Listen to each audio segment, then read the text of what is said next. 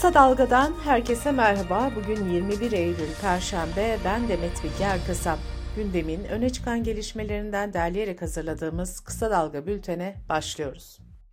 Türkiye'de çocuk istismar vakaları sık sık gündeme gelirken Türkiye İstatistik Kurumu çok çarpıcı bir veri açıkladı.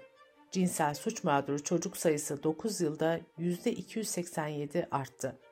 TÜİK'in verilerine göre 2022 yılında cinsel suç mağduru çocuk sayısı 31.890 olarak kayıtlara geçti.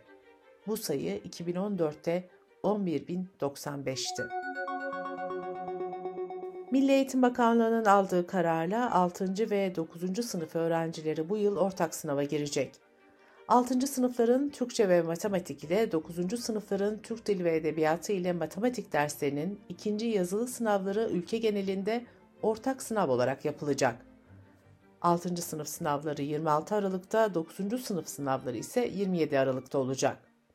Bakanlık tarafından hazırlanan sorular okullara teslim edilecek ve sınavlar okul tarafından yapılacak.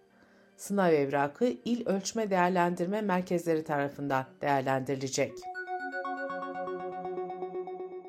Okulların açılmasına kısa bir süre kala yönetmelik değişikliğiyle liselerde sınıf tekrarı geri gelmişti.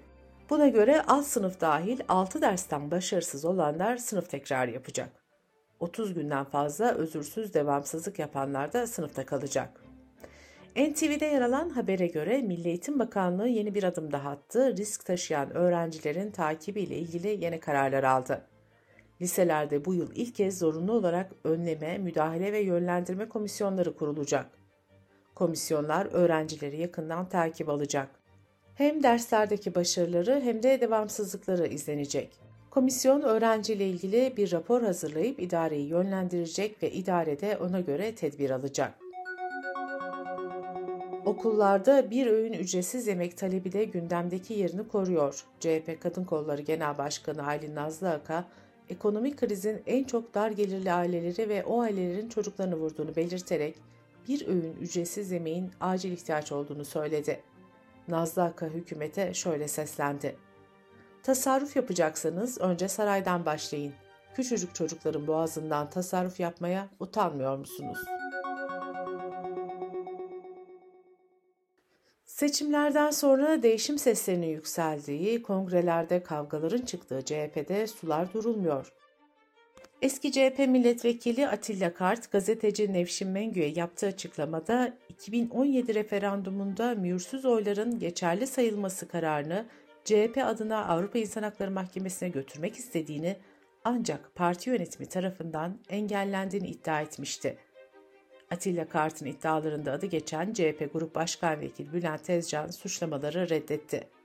T24 haber sitesine konuşan Tezcan, Avrupa İnsan Hakları Mahkemesi için ayrı bir hukuk heyeti oluşturduklarını ve parti olarak AHİM'e dava açtıklarını söyledi.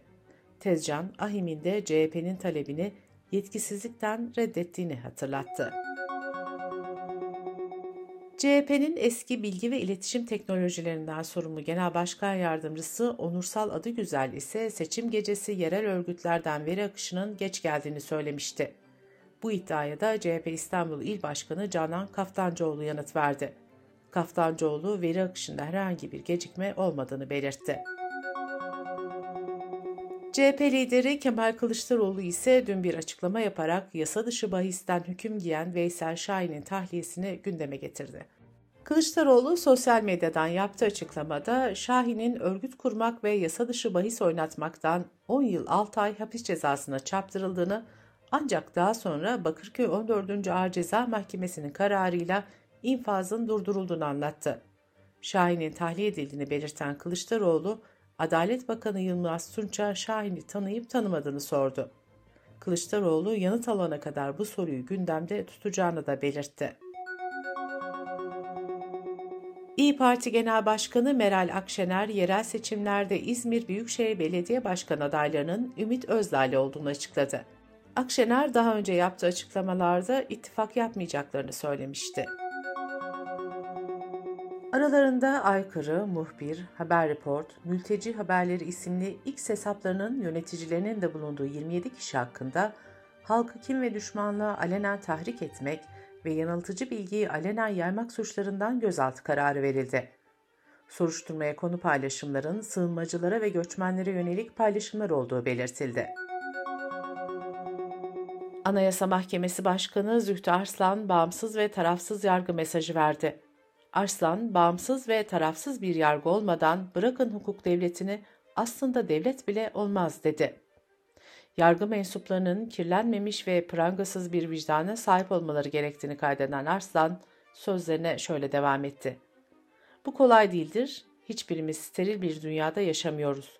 Ne var ki hakimlik tam da böyle bir ortamda tertemiz bir vicdanla adaleti tesis etmeyi gerektiren bir meslektir. Kısa Dalga Bülten'de sırada ekonomi haberleri var. Yurt içi piyasada gözler Merkez Bankası'nın bugün açıklayacağı faiz kararında. Piyasada ağırlıklı beklenti politika faizinin 5 puan artışla %30'a yükseltileceği yönünde. Ancak bazı ekonomistler bu artışın enflasyonla mücadelede zayıf kalacağını belirtiyor ve daha agresif faiz artışı gerektiğini düşünüyor. Çalışma ve Sosyal Güvenlik Bakanı Vedat Işıkhan, memur ve memur emeklilerine Ocak'ta %50'ye yakın zam yapılacağını belirtti. Bakan Işıkhan, en düşük memur maaşının 22 bin liradan 33 bin liraya çıkacağını vurguladı. Bakanın açıklamasına göre EYT kapsamında 1 milyon 899 bin kişinin emeklilik işlemleri tamamlandı. Bakan Işıkhan, geri kalanların maaşının da yıl sonuna kadar bağlanacağını belirtti. Hükümet kıdem tazminatının da dahil olacağı yeni bir emeklilik sistemi ve buna bağlı fon oluşumunu denemeye hazırlanıyor. Bu konudaki çalışmalar 2007'de başlamış ancak tepkiler nedeniyle rafa kalkmıştı.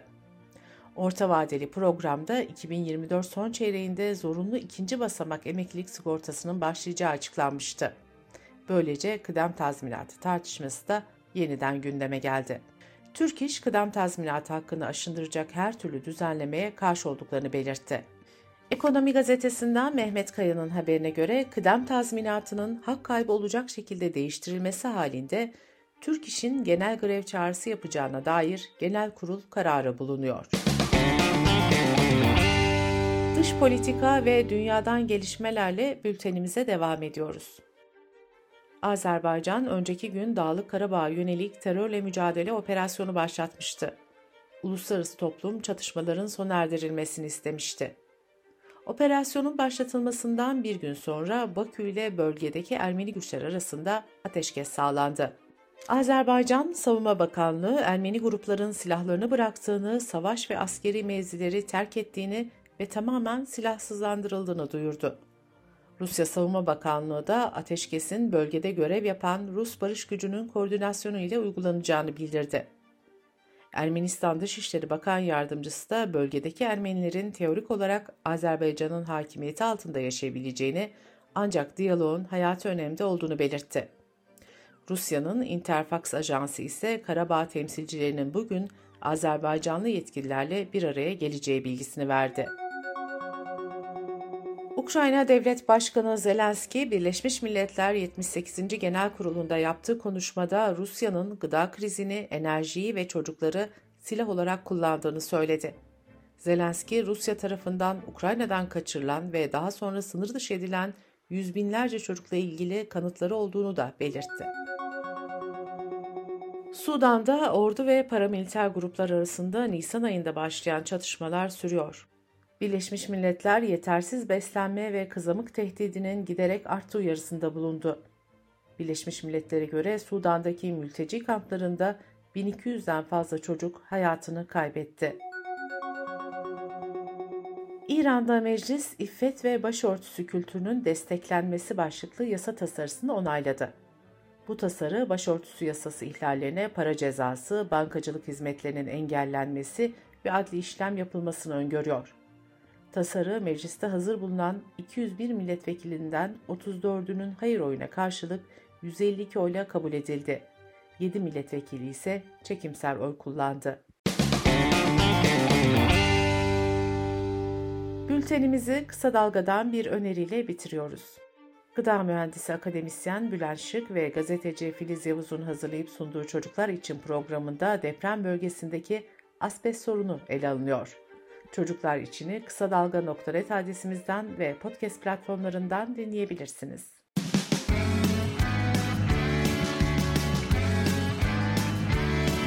Kulağınız bizde olsun. Kısa Dalga Podcast.